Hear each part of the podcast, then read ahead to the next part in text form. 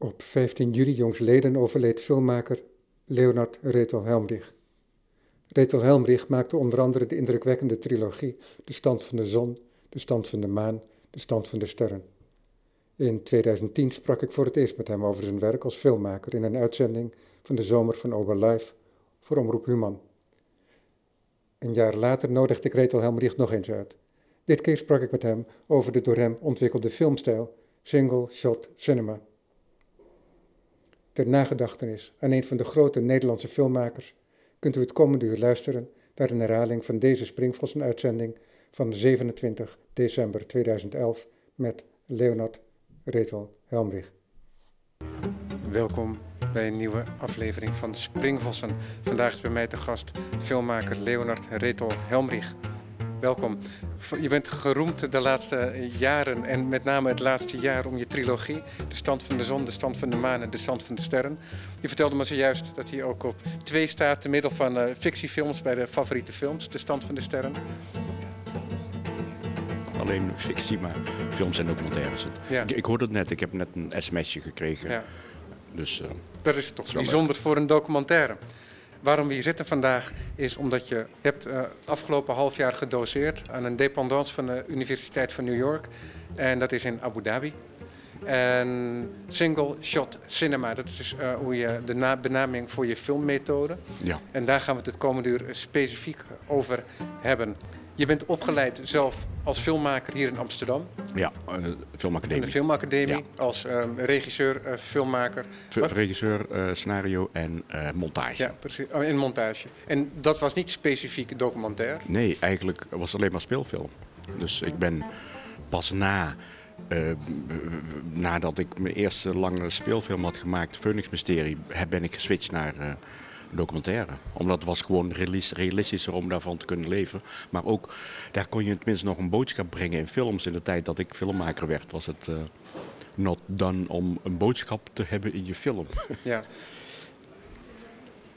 Ik mag het wel een methode noemen, dat single shot cinema. Word je als filmmaker uh, en bijvoorbeeld als cameraman op een filmacademie uh, heel methodisch onderwezen in hoe je een film uh, schiet? Ja, over het algemeen worden films. Het, het, wordt heel erg dogmatisch. De manier waarop je het zou moeten doen, of films maakt, wordt heel dogmatisch gebracht. Alsof je echt altijd met een verhaal moet beginnen en dan vandaar, van daaruit de zaak gaan analyseren en dan vervolgens uh, een, uh, een breakdown ervan maakt en precies en dan per scène uitmaakt wel wat voor shots je gaat maken en zo. Dat is, dat is bij speelfilm het geval. Maar heel veel dingen tegenwoordig kunnen gewoon anders.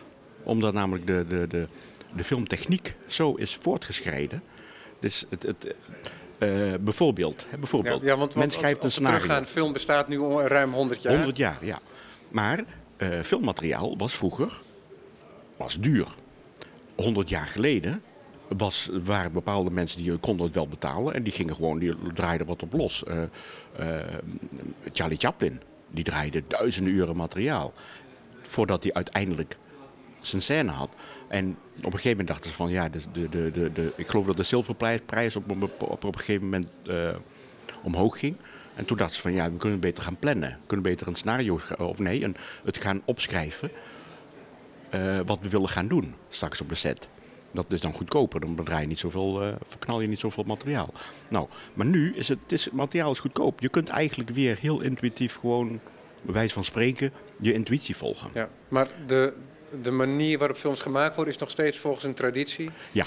Waarbij er um, heel economisch wordt omgesprongen met materiaal, maar ook met tijd. Ja.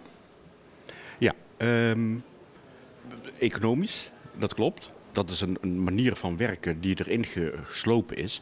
Omdat men dacht van ja, uh, dan kunnen we het eigenlijk gedaan krijgen.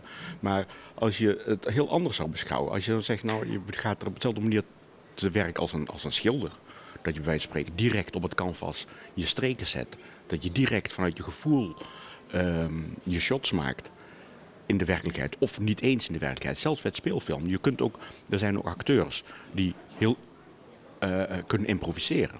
En als het dan opgenomen wordt door een camera die net zo, net zo sterk als die acteur een, een dramatische achtergrond heeft en een, een, een laat zo zeggen, een, een, weet hoe, hoe, hoe, hoe dat werkt en daarvan laat zo zeggen, vanuit zijn perspectief de zaak opneemt, wat die acteur eigenlijk uitstraalt, en, en geen scheidingslijn ziet en maakt tussen crew en cast, dan kun je opeens hele andere dingen doen. Dingen die nooit eerder zijn gedaan. Omdat je, als je, als je het eerst moet gaan bedenken en dan pas gaan doen, dan is het jammer dat er heel veel dingen die vanuit je intuïtie kunnen gaan ontstaan, dat die dan verloren gaan. Een oude droom is het om ehm, een, een, film te maken die helemaal real-time is. Maar er, was altijd, er waren altijd problemen mee, omdat uh, Hitchcock die heeft ooit een film gemaakt, Rope. Ja. Dus die bond de touwtjes aan elkaar van de verschillende filmblikken, de, film, de filmreels. En een reel die heeft, dat duurt een paar minuten. Ja. En um, dan zorgde hij voor dat hij heel slim een montagemoment had, waardoor het net leek als die film uh, doorstroomde. Maar het was nog altijd een fictionele uh, continuïteit. Ja. Maar het vertellen van een verhaal mm -hmm. in één, aan één stuk, dat is van een bepaald deel van de cinema een, een droom geweest. Ja, nou, uh, de clue is namelijk met het single shot, waarom ik het, waarom ik het noem single shot cinema. Als je naar mijn films kijkt, dan is er geen enkele scène die niet gemonteerd is. Ja. De clue is eigenlijk, ik noem het zo omdat het namelijk uh, mij helpt bij het, be be het, besef en de maker, met iedereen uh, die met die film te maken heeft, het besef dat op het moment dat ik het opneem, draai ik het vanuit mijn eigen intuïtie in één shot, maar dan vanuit alle hoeken die normaal gebruikt zouden worden in montage. Maar dan ook op een zodanige manier dat ook de, de, zeg maar de, de verlegging van het ene perspectief naar het andere, dus de camerabeweging die daartussen zit, die, die de camera van de ene plek naar het andere brengt, dat het ook potentieel bruikbaar moet zijn ja. voor de film. Ja, dat, dat vraagt een enorme uh, concentratie. Ja. Want um, wat daarbij vermeld moet worden, is dat je in dit geval documentair schiet. En zo'n gebeurtenis doet zich maar één keer voor. Ja. Dus je bent deel van de situatie. En terwijl de situatie zich ontrolt voor je camera, ben jij daar deel van, want jij beweegt zelf ook in de ruimte en je moet zonder onderbreking moet je jezelf kunnen verplaatsen. Ja, je moet het eigenlijk, ik, ik zeg het altijd maar, je moet het als het ware net de camera als, als een pen de situatie beschrijven. Haast letterlijk. Dat wil zeggen, want kijk, zoals je in een zin ook woorden zou gebruiken en je verbind, verbindenissen legt tussen het ene woord en het andere, en omdat ze met elkaar te maken hebben, uh, zo ga ik ook van de ene plek naar de andere. Omdat ze allemaal. De reden waarom je eigenlijk een scène vanuit verschillende hoeken zou opnemen, is omdat de ene hoek dramatisch interessanter is dan de ander. Dus, uh, maar het probleem is met, single, met zeg maar films die, die vaak gedraaid zijn in één shot. Zoals bijvoorbeeld de Russian Ark. Or, of een film uh, Rope van Hitchcock. Die zijn eigenlijk meer op een veilige afstand gedraaid. Waardoor je zeker weet dat je alles hebt.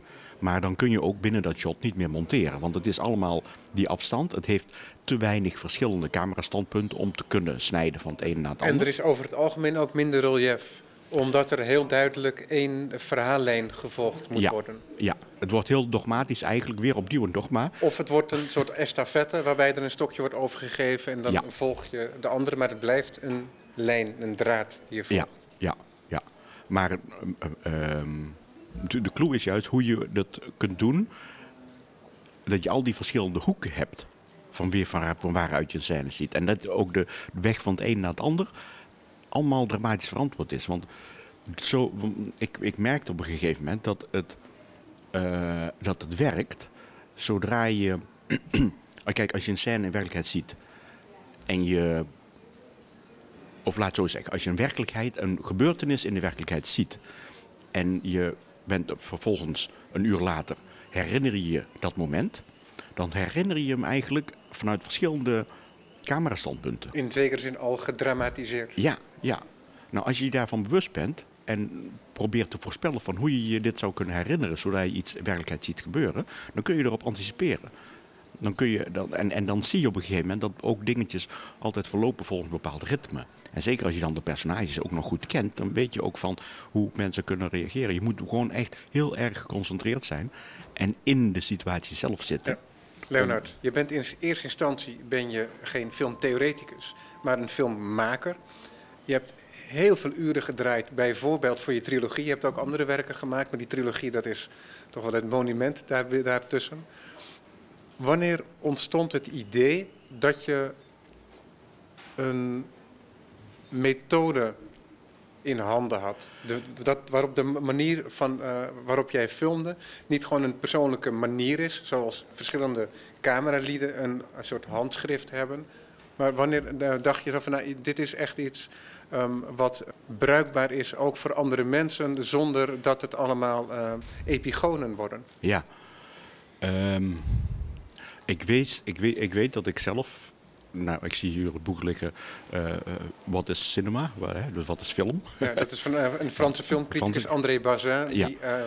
eind jaren 40 al begon te schrijven. Ja. tot 62, tot aan zijn dood. Ja, en hij had het erover dat film, de essentie van film zit eigenlijk in de, in de beweging van de camera. Want dat is het enige wat de filmkunst op zichzelf heeft en wat hij niet deelt met andere vormen van kunst.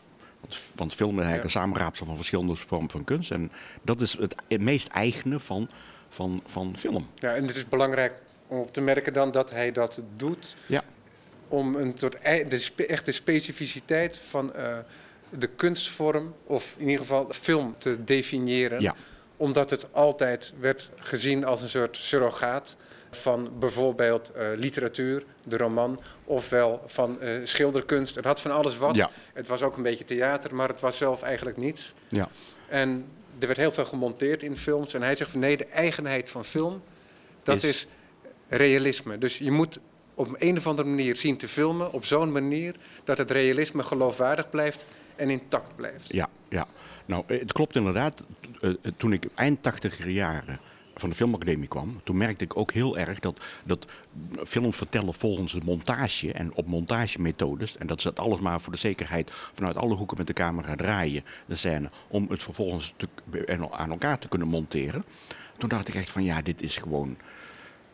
Je moet je, je moet, dat, dat, dat, dat, dat dogma, dat, daar hield ik niet van. Ja, er wordt gepuzzeld. Ja, er wordt gewoon een puzzelstuk ja, er, er, wordt echt, er, wordt, er wordt gedacht in een soort mo mozaïekprocedé. Ja, Zelfs als we dit gesprek zouden opnemen, dan zou dat in kleine mozaïekstukjes uiteenvallen en in, in elkaar gezet worden in een montagekamer. Ja. Ik, eh, ja, en ik merkte onder andere ook, want als je kijkt naar de films uit de 60er, 70er, 80er, 90er jaren, als je dat vergelijkt en hoe, hoe kort shots zijn, dan worden die shots steeds korter. Zeker tegen de 80er jaren, de eind 80er jaren en begin 90 zijn die shots allemaal zo kort dat het zijn eigenlijk zo'n um, los zand, wordt het bij wijze van spreken. Uh, toen dacht ik, uh, uh, hoe komt dat toch? Nou, eigenlijk is het heel simpel. Dat gewoon door een uitvinding. Alle veranderingen komen door een uitvinding. Andere, alle veranderingen in de geschiedenis van de cinema. Ja, in de geschiedenis van cinema. Het is altijd een, een, een, een uitvinding die uiteindelijk de filmtaal doet veranderen. Uh, en deze uitvinding was de afstandsbediening. het is namelijk in de 70 jaren kwam opeens de afstandsbediening. Een, externe uitvinding, ja. televisie. Ja, het werd daar, op een gegeven moment moest men films korter gaan, sneller gaan vertellen. De, de, de, de, de, de, omroepen die wilden gewoon, je moest eerder to the point zijn. Alle nuances werden eruit gesneden. En mensen werden, ge, uh, zeg maar, ehm, gedwongen, je wordt de filmmaker gedwongen om gesegmenteerd ook te gaan denken. En in shots te gaan denken. En in shot, dus zeg maar de wereld al op te delen in stukjes. Terwijl het eigenlijk een één geheel is. En dat uiteindelijk in stokjes gaan opnemen, uiteindelijk weer op samenpakken en, en geloofwaardig maken dat het één geheel is. Maar dat betekent dat film gemaakt werd met indachtig een publiek dat thuis op de bank zit en niet een publiek dat in de zaal zit en dat betaald heeft om een voorstelling te zien en sowieso ook moeilijkere momenten uitzet. Ja, dat klopt. Klopt. En dat vind ik heel jammer. Dat is opmerkelijk. Ja, want waardoor er die, die, die nuances, dit soort uh, zeg maar, André Bazin heeft het af en toe over die stemmingsakkoorden. Die zich tussen bepaalde momenten, zogenaamde loze momenten zitten. Maar die zoveel veel second kunnen zijn. Um, en dat is, heb, dat is wat ik heb geprobeerd om terug te brengen. Ja, ondanks het feit dat ik wel monteer in de film. De, de clue is namelijk dat je, als je, als je, zolang je maar in de werkelijkheid het opneemt op een manier dat het één geheel is, dan kun je altijd in de montage uh, ook uiteindelijk die, die, die, die momenten een moment geven. Ja, maar het is altijd moeilijk, want we hebben het over werkelijkheid. Maar het is altijd een weergave van de werkelijkheid. In de tijd dat Bazin schreef, schreven ook andere mensen, zoals Roland Barthes. En er waren allerlei kunstvormen daaromheen ook, zonder dat ze daar direct aan geleerd waren. Mhm. En een stuk van diezelfde Bart die heet Le degré zéro de la littérature. Het nul, de nulpunt van het schrijven. Mhm. En je hebt in Nederland heb je de zestigers en Armando. En die hebben het over uh, de nulkunst. Dat is, en dat gaat er ook om dat uh, realiteit is al kunst. Dus we hoeven geen stap meer te maken. Waardoor zoiets als de stijlloosheid een uh, methode wordt. Ja. En stijl wordt. Ja. Maar het is altijd een illusie dat je een nulpunt in stijl kunt bereiken. Ik geloof ook niet dat jij zelf die indruk hebt. Nee, nee, absoluut niet. Maar dat de idee om de, het realisme bij de horens te vatten, dat is echt al heel oud. Het blijkt hier ook uit. Is die single shot cinema methode daar ook op geënt? Nee, de, uh, ja, uh, ja en nee. Um, het is niet zo dat ik de, realist, de realiteit wil weergeven zoals, die, zoals die is. Maar ik wil dat de, de, de filmmaker, met single shots, door single shot cinema toe te passen, in ieder geval de werkelijkheid kan neerzetten zoals hij of zij dat vindt. En dat het heel dicht bij de persoonlijke beleving van, van, de maker is. Zonder dat die maker hoeft te gaan denken aan allerlei technische toestanden. Als ik heb een close-up nodig en een longshot en mijn, het mag niet over de as gaan. En al dat soort dingetjes. Die allemaal uh, ontstaan zijn uit dat dogma. Dat wilde ik uh, weg. Je moet helemaal dicht bij je eigen perceptie zitten. Maar um, de, de, er is één verschil je bent, als, je, als je dat zo aan iemand zou zeggen en je zou iemand met deze woorden een camera geven, dan gaat die persoon heel gauw uh, letterlijk vanuit zijn perceptie filmen. Dat wil zeggen vanuit zijn fysieke perceptie. Dan loopt hij met de camera over straat en zwenkt hij van de ene plek naar de andere plek. Waardoor je uiteindelijk alleen maar los zand of eigenlijk rubbish hebt. Je kunt het absoluut niet gebruiken. Want dat is met al die penbewegingen van de ene plek naar de andere. Nou, met single shot cinema moet je je proberen je echt op te gaan in de omgeving van je onderwerp. Dus je, je hebt je onderwerp, je moet gefocust zijn. Dit is belangrijk, die persoon is belangrijk, die volg ik. Die, en ik zorg dat die persoon constant in beeld is. En, Want dat is van belang in het single shot cinema principe? Ja, dat je in ieder geval dat je gefocust bent. Dat het publiek constant weet waar gaat het om. En dit is de persoon die je volgt. Oké, mocht het zijn dat je van, het, e- van de ene persoon naar de andere switcht, dan moet dat altijd binnen het beeldkader gebeuren. Dus dat, is, dat wil zeggen nooit een persoon zomaar verlaten en dan naar buiten gaan kijken. Om naar de boten te gaan kijken, bij spreken. Dat... Ja, dat klinkt ook als een vrij obsessieve manier van filmen. Ja. Omdat je ja, voortdurend scherp moet zijn. Mm Want in het realisme waar we het zojuist over hadden, waar ook Antonioni in zekere zin aan verbonden was. Daar was er ook heel vaak zo dat er het realisme juist benadrukt werd door opzij te gaan filmen, door weg te kijken als het ware. Ja. Door, nou, de, door de lege momenten te tonen. Ja, nou, maar dat, dat klopt. Dat, maar dat doe ik ook. Alleen, je bent gefocust op iemand. En op een gegeven moment doet die iemand iets waardoor jij met jouw blik als het ware uh, niet meer geconcentreerd bent. Dan kun je zonder die persoon uit het beeldkader te verlaten, kun je naar andere momenten gaan. Maar dan bijvoorbeeld in de scène van Roemitja en... Voor de, voor de, voor de die de film niet gezien hebben. Roemitja is de, de, de, oude dame, de, de moederleider uh, van de familie die je uh, ge, gevolgd hebt in de drie films. Ja. En die leven in Jakarta. Ja, ja. Nou, zij zat daar. Zij zat uh, na. Het was eigenlijk na het moment dat de, die, een, een, vrouw haar geld kwam vragen om de bankstel wat ze geleend had. En zij zat daar eigenlijk op haar bank. En dat was een stil moment. En ze deed niks. En ik kon met de camera langzaam op ingaan. Op een gegeven moment zag ik kleine hagedissen op de muur. En ik ben dan via haar en via haar blik ben ik naar die. Niet eens via haar blik, haar starende blik niet eens naar die kleine beestjes, maar ben ik toch naar die beestjes gevaren. Maar dat kan dan zonder haar. Om eventjes een moment te hebben dat zij en die kleine hagedisjes op de muur, dat die eventjes samen in beeld zijn. En dan kan ik naar de andere gaan. Want dat doet, dan, dan volg je, dan, dan dirigeer je als het ware de blik van de kijker, zonder dat de kijker zichzelf daarvan heel te erg bewust uh, is.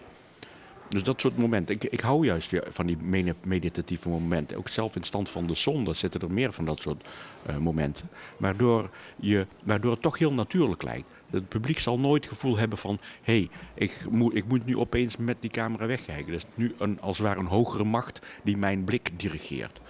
En dat is wat ik, waar, waar, vanaf, wat, waar ik vanaf wil. Ik wil, persoon, ik wil het gevoel geven dat de, de kijker dat persoonlijk ook zou doen. Ja.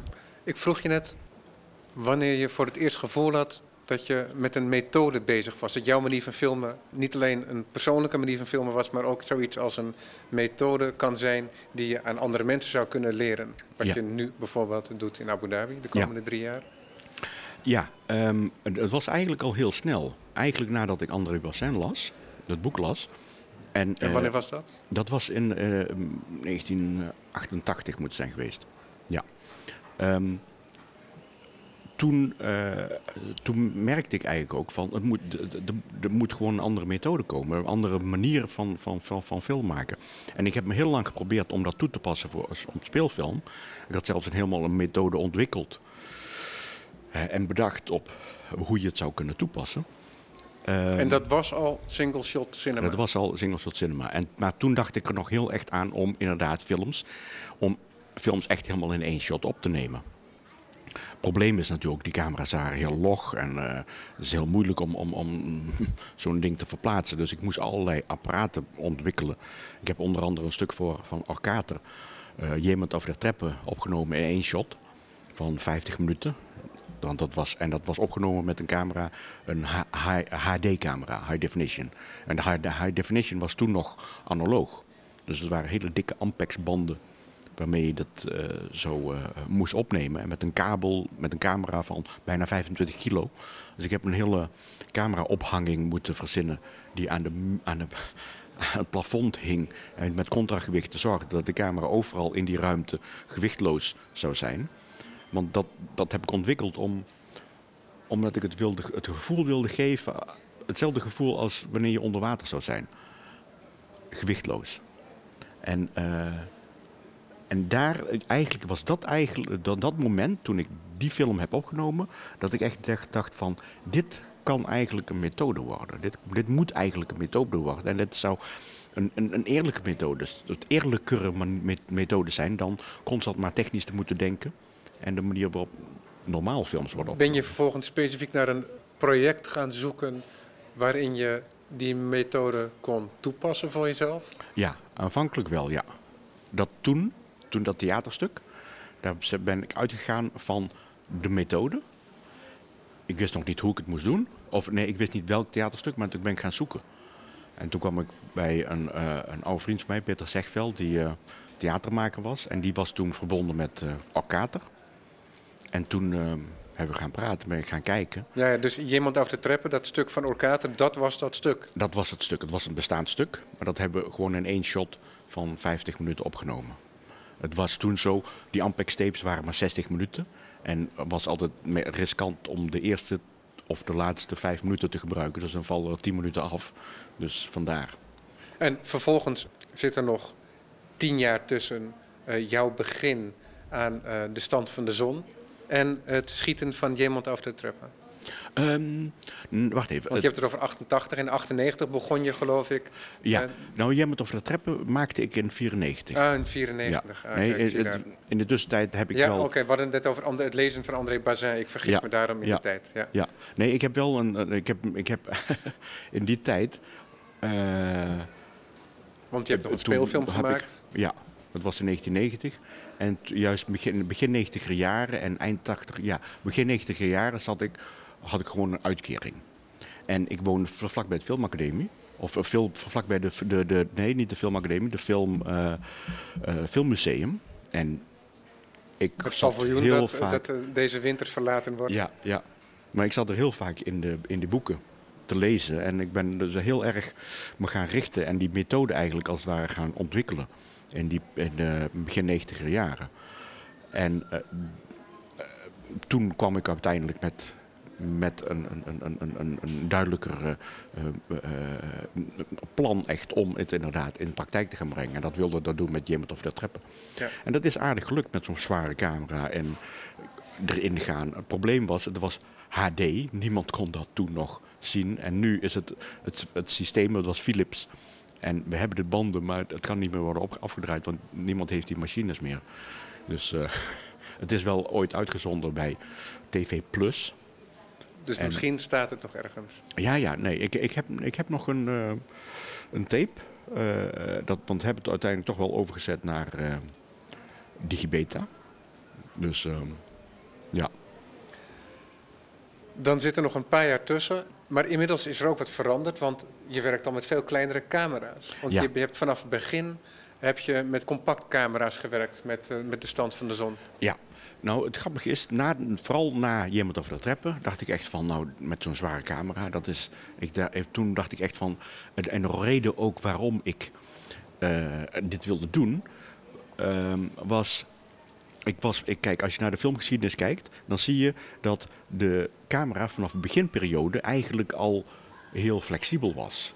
Als je kijkt naar de eerste de, de stomme films, uh, de heel veel stomme eh, films in, in, in, in, in de tijd dat er nog geen geluid was, werden gemaakt, dan hadden die al heel veel dynamiek. Tot het moment dat geluid kwam, werd het log.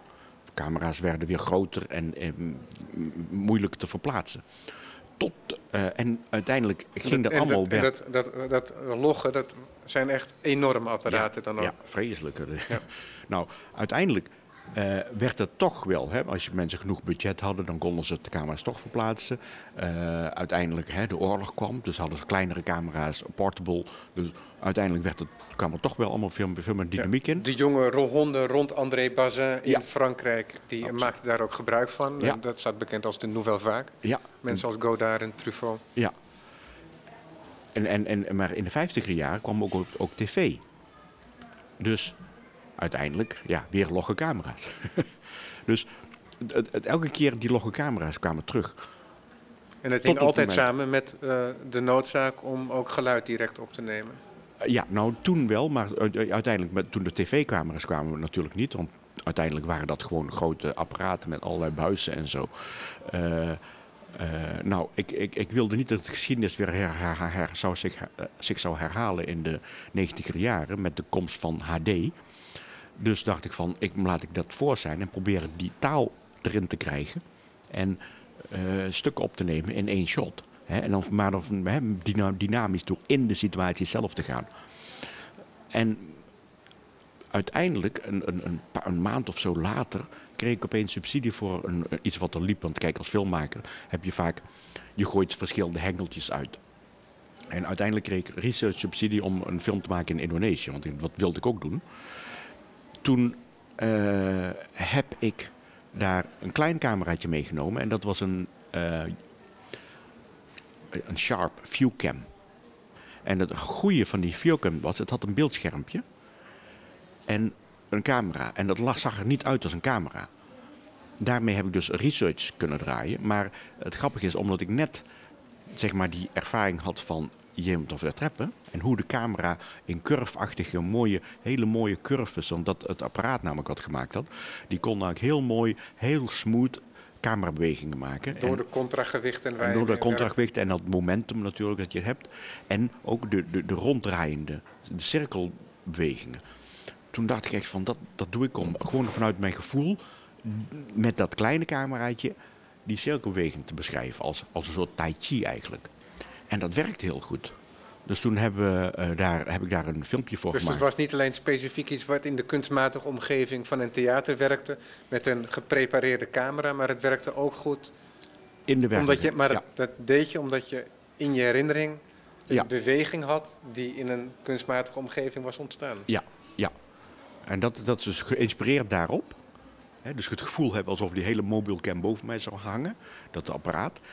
En in de situatie begeven. Nou, dat werkte. Dus ik dacht van, nou dan. Uh, uiteindelijk gebeurde, was een, was, ik had nog niet echt een verhaal van Indonesië. Het probleem was, ik werd het land uitgezet. Omdat ik in 19, uh, dat was in 1995. Toen uh, had, filmde ik studentendemonstraties. En dat was nog de tijd van Soeharto.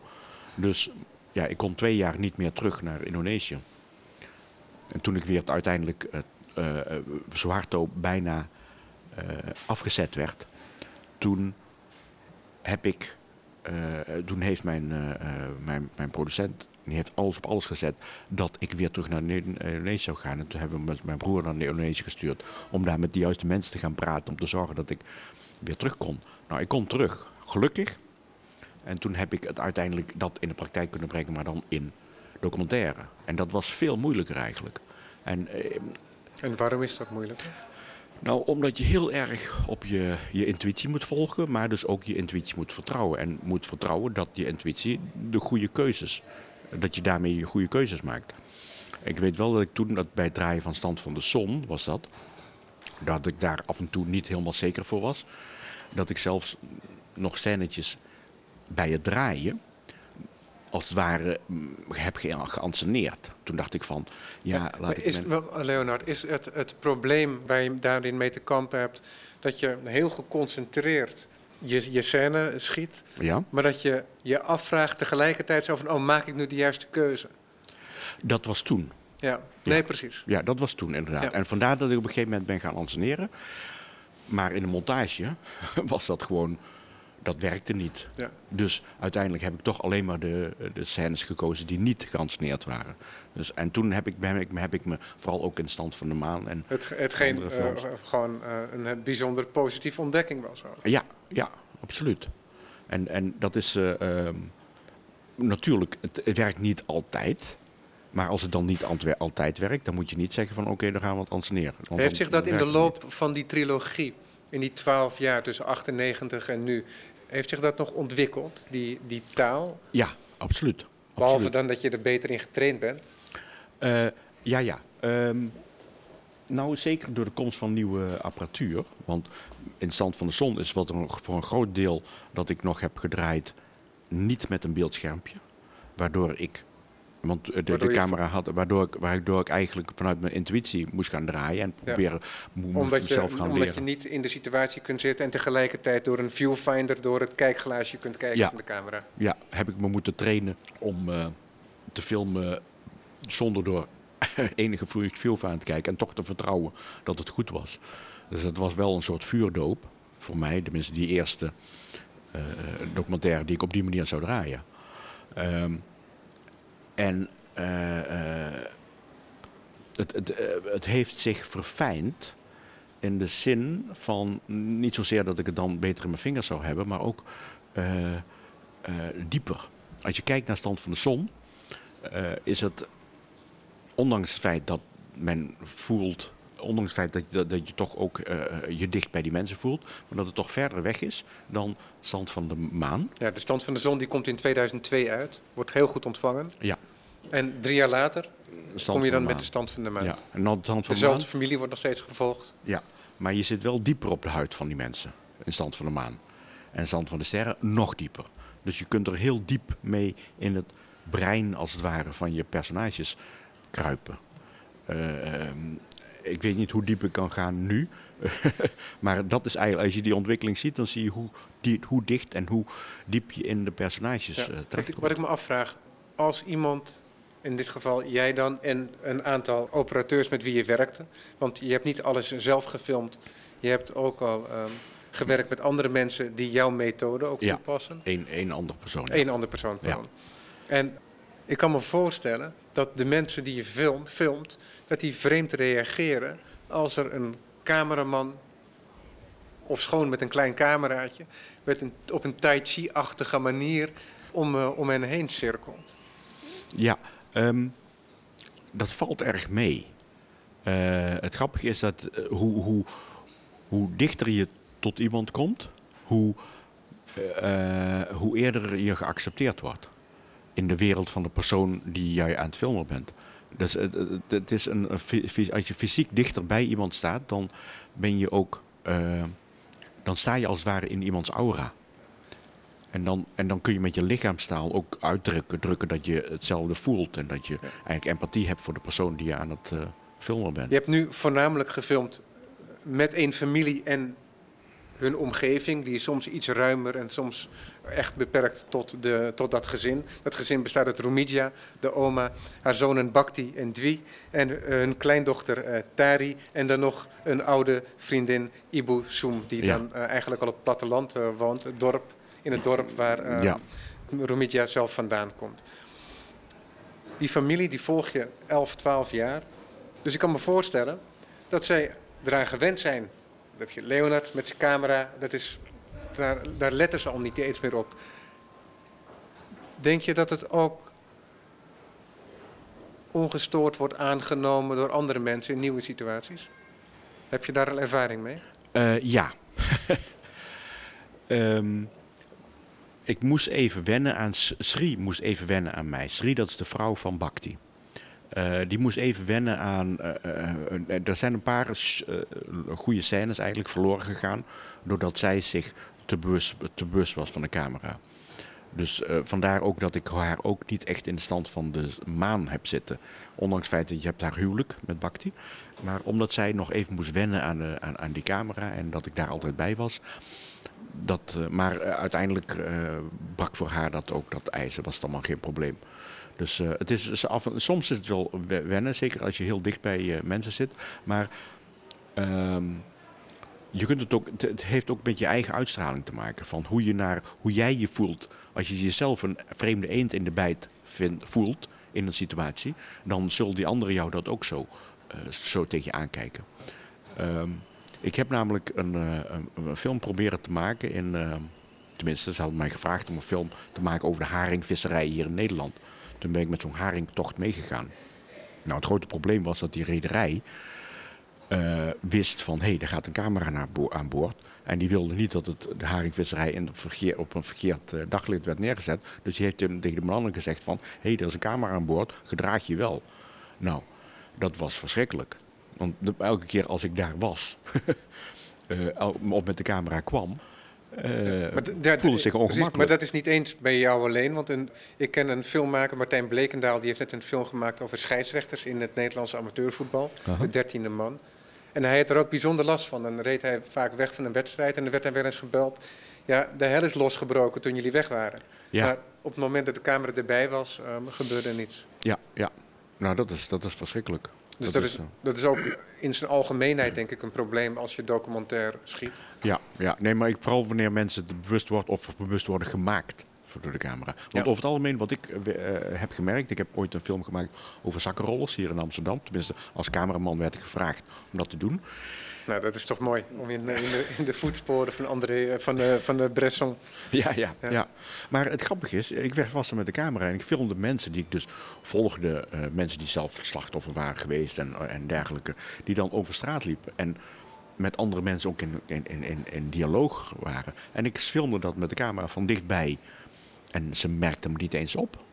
Dus je kunt je als het ware onzichtbaar maken. Door, het heeft te maken met hoe je jezelf, hoe je jezelf voelt. Het, heb, ik heb eh, heel erg gemerkt dat het echt met je persoonlijke gevoel ook te maken hebt, moet hebben. En ook natuurlijk, je moet die mensen niet bewust maken. Je moet niet van tevoren vragen van, hey, mogen jullie filmen? Nee, je moet gewoon filmen. En achteraf pas vragen als het leuk is.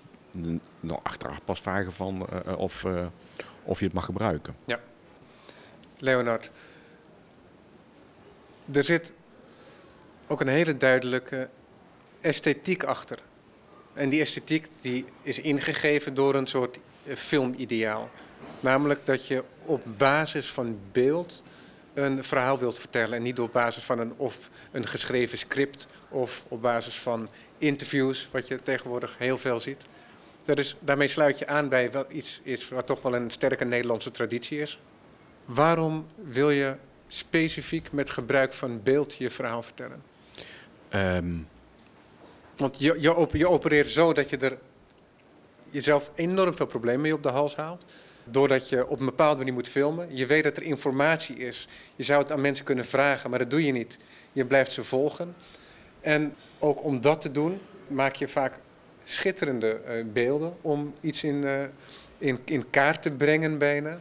Waardoor je op een vreemde manier boven bruggen hangt. Je eh, hangt camera's aan het uiteinde van stokken die je dan evengoed nog moet proberen te opereren.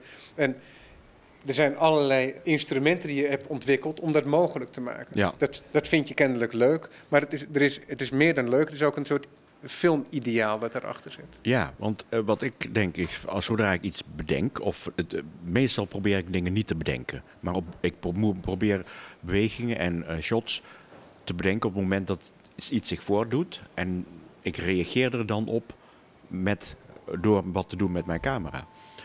En soms zijn er bepaalde situaties die ik eigenlijk al van tevoren voor me zie. Of die ik heb zien gebeuren en denk van dat wil ik opnieuw creëren. Ik heb bijvoorbeeld die, die de man in een dauwdruppel. In een dauwdruppel. de opening van de stand van de sterren, als ik het goed het, heb? Het zit, nee, niet, het zit niet de opening, het tegen het einde. Dan zie je een dauwdruppel hangen en dan zie je de hele wereld als het ware weerspiegeld in die dauwdruppel. Dan op een gegeven moment zie je een man in die dauwdruppel verschijnen die met insecticide loopt te spuiten. Waardoor die dauwdruppels helemaal dof worden. En toen, toen zag ik dat en toen dacht ik van, dat wil ik vangen. Maar ik, met wat voor camera? Mijn camera die ik had, dat was een, een Canon camera met een grote lens. Dat wil zeggen, als je macro-opname maakt van een kleine druppel, dan kun je hem nooit echt heel echt goed groot in beeld hebben. Dus dan moet je een camera hebben met een kleine lens. Tenminste, een kleine diameter. En ik kocht toen zo'n Everio, JVC, een heel goedkoop cameraatje van, van, van 500 euro. En daarmee kon het wel. Dus uh, dat soort dingen. Dus gewoon op het moment bedenken uh, van wat wil je het en, dan, en dan niet proberen van wat voor dingen heb je in de professionele apparatuur. Nee, voor mij, je, je kunt het ook met, uh, met hele simpele middelen doen. Ja, en wat is in dit geval het belang van die man in die dauwdruppel? Nou, voor mij was het zo'n symbool van je ziet de wereld als het ware op zijn kop weerspiegeld in zo'n druppel. Want het is een lens als het ware, een druppel. En dan zie je daar in die druppel, alsof die man in die druppel zit, als het ware, zijn eigen wereld uh, kapot maken. Dus dat is, voor mij was dat de, de, de, symboliek van die scène. Dat hij daar uh, spuit en dat die, die druppels helemaal melkgeel worden van de insecticide. Dat als ja. zo'n wolk erin komt. En dat is ook een terugkerend element in de trilogie dat je mensen relateert aan hun omgeving, aan, aan natuur. Dat kan een zwerfkat met een afgescheurde staart zijn in de straten van uh, Jakarta. Maar het kunnen inderdaad ook waterdruppels zijn in uh, ja, het platteland. Ja, maar dat, dat zijn juist de mooie momenten. Juist wanneer je dat die meditatieve momenten zie ik dan als het ware. Die, dat je probeert een eenheid te, wor te worden met de omgeving waar mensen leven. En één te zijn met die wereld. En dan zie je allerlei dingetjes die als symbolisch werken. En dan, dan, dan bedenk ik eerst van wat ik wil hebben, hoe het shot eruit moet zien, ook in camerabewegingen. En dan pas ga ik zitten bedenken van hoe zou ik het kunnen maken. Ja. Terwijl heel vaak, met, wat, als, je het, als je het hebt over camerabewegingen, dan wordt het vaak bedacht aan de hand van de apparatuur die, die al bestaat. En uh, dat wil ik niet. Mocht het zijn als dat ik een camerabeweging bedenk en er bestaat geen apparatuur voor, dan maak ik er wel iets wat, waarmee ik die beweging zou wel zou kunnen maken. Ja. Heb je daar een goed voorbeeld voor? Uh, bijvoorbeeld die man over de brug. Ja. Die daar loopt. We hebben een, een, een, een spoorbrug. Een spoorbrug, met een hele hoge spoorbrug. Het is een, een pijloze diepte. Ja. Uh, en het is een soort raamwerk. er zijn geen veiligheidsleuningen aan, aan de zijkanten. En er loopt een man overheen ja. op blote voeten of zelfs met espadrilles achter, met slippers. Met slippers, ja. En uh, ik wilde gewoon uh, proberen vanuit zijn belevingswereld uh, hoe dat voelt. Ja. En over de houten planken waar hij loopt, zie je in de tussenliggende delen, ja. kijk je echt de afgrond in. Ja, ja. Nou, ik wilde dat gewoon met hem meevoelen. En ik kan me herinneren, niet lang voordat ik die scène draaide, of het idee opvatte dat, om die scène te draaien, had ik die film Spider-Man gezien. En in Spider-Man zie je de Spider-Man daar op zo'n zo'n uh, de richel staat van, van een groot uh, gebouw. En dan kijkt je met Spider-Man mee die diepte in. Maar juist op het moment. Ja, die, gaat, die camera gaat dus. Hij staat op die richel. En dan gaat die camera komt dus heel laag bij zijn voeten. En dan gaat die camera omhoog. En die, tilt, die tilt naar beneden. Op een, en dan, kijkt, tilt, en dan kijkt hij naar beneden. Maar juist op het moment dat het eng begint te worden, snijden ze weg. Want dan springt hij en dan heb je vanuit een andere hoek. Toen dacht ik echt van, want ik heb hoogtevrees, dacht ik van, hoe zou dat eruit hebben gezien? Als je hoger gaat. En dan desnoods nog hoger. En je gaat op een gegeven moment. Dat je op de kruin van Spider-Man kijkt en tegelijkertijd die pijloze diepte in. Ja, ja, en dat je desnoods die kruin zelfs verlaat en nog, nog boven die, pijl, die, die, die pijloze diepte echt hangt. En toen dacht ik van, nou, dat wil ik doen. Dus heb ik uiteindelijk een, uh, een crane gemaakt van bamboe. Want dat groeit er heel veel bamboe. Uh, waarmee je dus die beweging kon maken. En meestal met normale cranes, die kunnen namelijk alleen maar rechte bewegingen be maken. Ja, als een soort havenkraan eigenlijk. Ja, ja, dat is namelijk normaal. Hè? Normale havenkraan, die doen dat. En dan hebben ze daaronder een soort hot head waarmee de camera een beetje om zijn as kan ja, draaien. Dus een soort kogel en dan kan de camera nog naar links, naar rechts en misschien een beetje omhoog en omlaag. Dat, dus de, dat soort de bestaande cranes waren beperkt. Dat wilde ik niet hebben. Ik wilde vanuit mijn intuïtie dat ding kunnen bedienen. En kijken naar beneden en zo wil ik niet met motoren gaan werken. Want dan, ik wil mijn gevoel als een marionet, mijn gevoel erin brengen. Dus ik heb die kraan, je, je, als je het ziet, je kunt op YouTube zien. Als je op YouTube googelt naar, uh, of kijkt naar uh, bamboo camera crane, dan zie je hoe die kraan eruit heeft Bamboo gezien. camera crane. ja. dan, de, de, het is namelijk een, uh, het, het heeft namelijk een gewricht die net als ons hoofd als het ware in elkaar zit. Dan weer naar links, naar rechts naar boven en naar beneden kunt kijken. En dat je dat, dat, die kon ik dus als een marionetspeler met een stuurwiel aan de onderkant uh, bedienen. En terwijl jij op een soort spoorkarretje zat? Ja. Achter die, de, achter, die persoon die, die, over met zijn slippers een hachelijke onderneming over die hoge spoorbrug loopt. Ja, ja. Dus daarmee kon ik hem dus volgen en inderdaad die hoeken uh, nemen. En uiteindelijk ook inderdaad die Spider-Man shot maken. Dat je over hem heen gaat en zelfs buiten de spoorbrug hangt met de camera. Ja, ja. En daar, daar ging het mij om.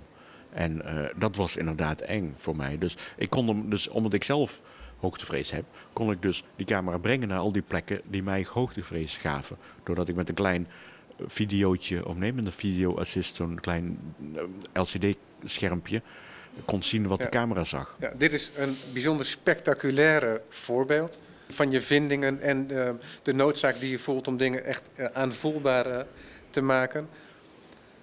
Maar het gebeurt ook vaak in kleine huiselijke omgevingen. Ja. En het gaat er eigenlijk uiteindelijk altijd om, en dat, dat schrijf je ook zelf ergens. Want je bent bezig met een boek, je doseert de komende drie jaar nog in Abu Dhabi op de University van New York. Mm, in de dependance al daar. Ja. En je, je schrijft ook ergens zo van ja, een, een camera shot, zo'n zo'n single shot, is eigenlijk zoiets als een klein verhaal. Ja. Eén shot per shot. Dan, kijk, een lange zin. Ja, een, een, een volzin. Ja. En dat vind ik altijd mooi. Als, als je kijkt naar oude boeken van uit de, uit de uh, eind, uh, eind 19e eeuw. Uh, bijvoorbeeld boeken als bijvoorbeeld Madame Bovary.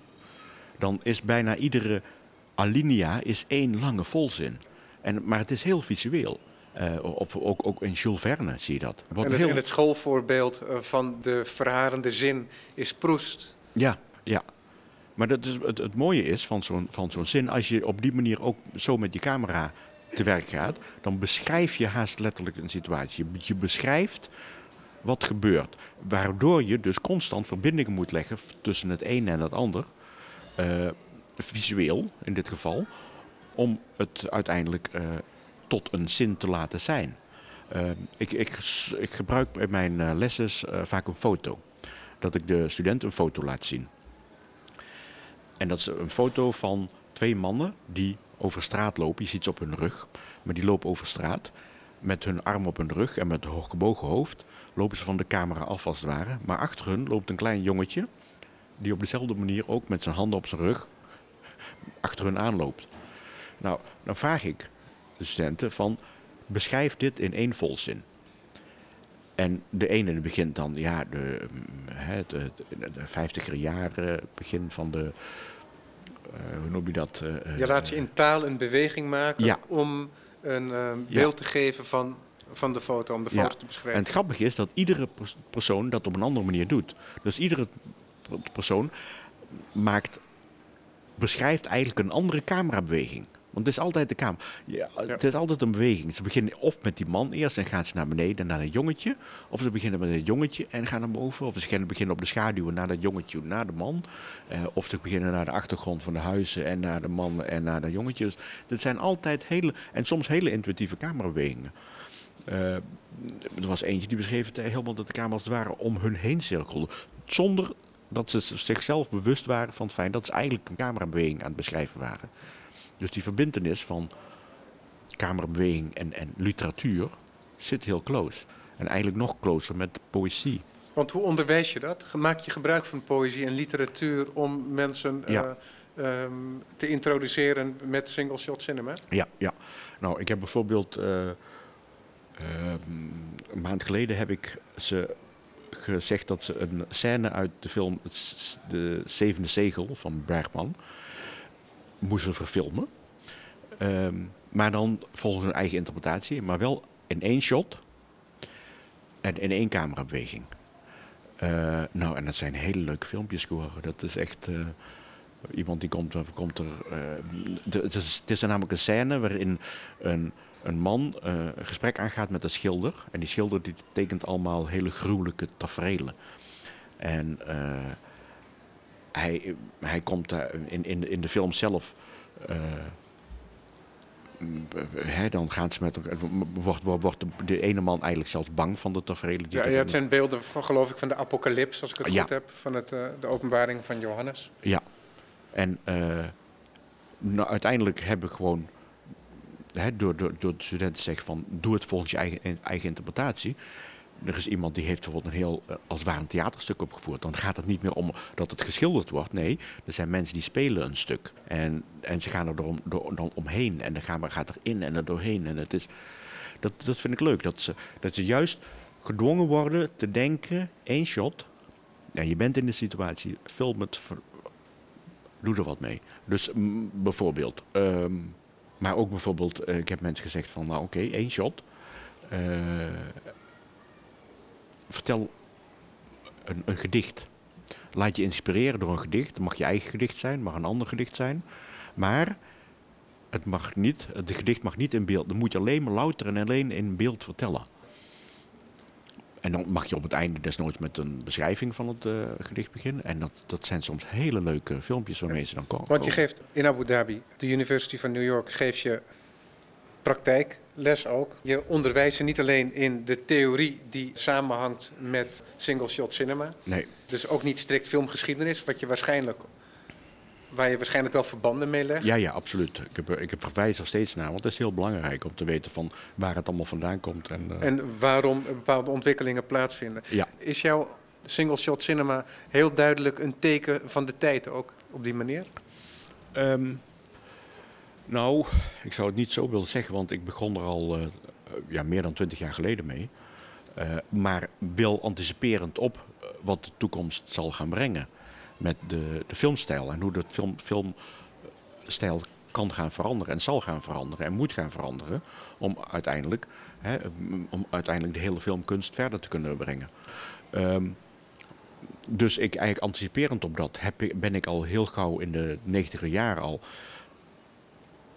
eh, film, eh, opnieuw te definiëren. En onder andere heb ik de, de orbit ge, ge- geïntroduceerd. Ja, de, de orbit is de, de cirkelvormige beweging Ja, eh, om, om een om, object een, om een centrum heen. En Ja. het centrum is dan het centrum ook van, het van aandachtspunt. de volzin en het, het Ja. aandachtspunt. Dus eh, nou, en als men daarvan bewust is, het grappige is, het, het wordt nu eigenlijk al gebruikt in computergames. Maar dan voor niet dramatische reden, gewoon heel praktisch. Dat klopt. Ik bedoel, je hebt je object, de persoon die, loopt te rennen en te schieten, die blijft gewoon altijd, eigen bij wijze van spreken, altijd stabiel in beeld in het midden. En de hele omgeving draait om hem heen. Eh, Het is sowieso ook een directe consequentie, want we hebben het ook gezien bij een film als Vesten eh, van Thomas Winterberg. Is dat omdat er met kleine camera's wordt geschoten, dat er al heel snel veel meer inderdaad op het object wordt gefocust. Ja. Ehm, ja, zoals eigenlijk eh, een, een, een jager vroeger ook inderdaad zich op het bewegende element concentreren. Ja, wat een jager dus eigenlijk doet, is door zich op het bewegende element te concentreren, doet hij dat bewegende element stilstaan en dan draait de werkelijkheid, de wereld om dat object heen. Dus dat is mooi. En dat, daarmee concentreer je. Je zegt van, dit staat stil en daarom is dit het belangrijkste in het beeld. En dat doe je. En, wat, dat, en het grappige is dat het ook soms, dat werkt eh, in alles. Eh, Wat je dan eigenlijk, bij spreken, letterlijk met de camera doet, is dat je iemand spiegelt. Als je iemand filmt en zorgt dat die persoon in iedere beweging dat hij doet, dat je daarop anticipeert en dat je daar meedoet. Dus als iemand, zodra iemand zit en iemand gaat dan staan, ook al is het een kleine beweging, dat je iets, iets, iets doet met de camera, waardoor die persoon constant stil in beeld blijft en dat alleen de wereld omheen beweegt, dan voel je al heel gauw als kijker empathie voor de persoon. En dan heb je het gevoel dat je in iemands hoofd zit. Leonard, we zijn aan het einde van het uur beland. Ik oh. dank je hartelijk voor je verhaal over single shot cinema. Jij gaat straks weer terug naar Abu Dhabi, waar je de komende paar jaar nog zit. Dus voorlopig um, verwachten we waarschijnlijk geen nieuwe films ook van je. nou, uh, ik heb genoeg tijd tussendoor om nog films te maken. Dus.